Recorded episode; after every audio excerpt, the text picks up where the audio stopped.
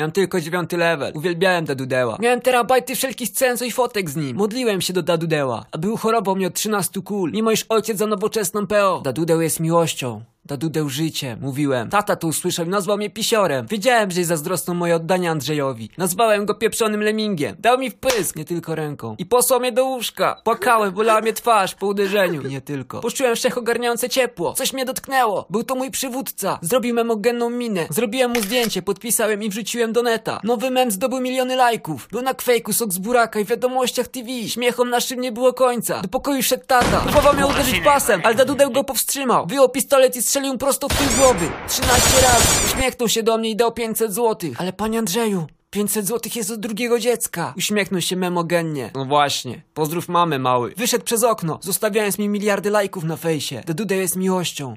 Dadudeł życie.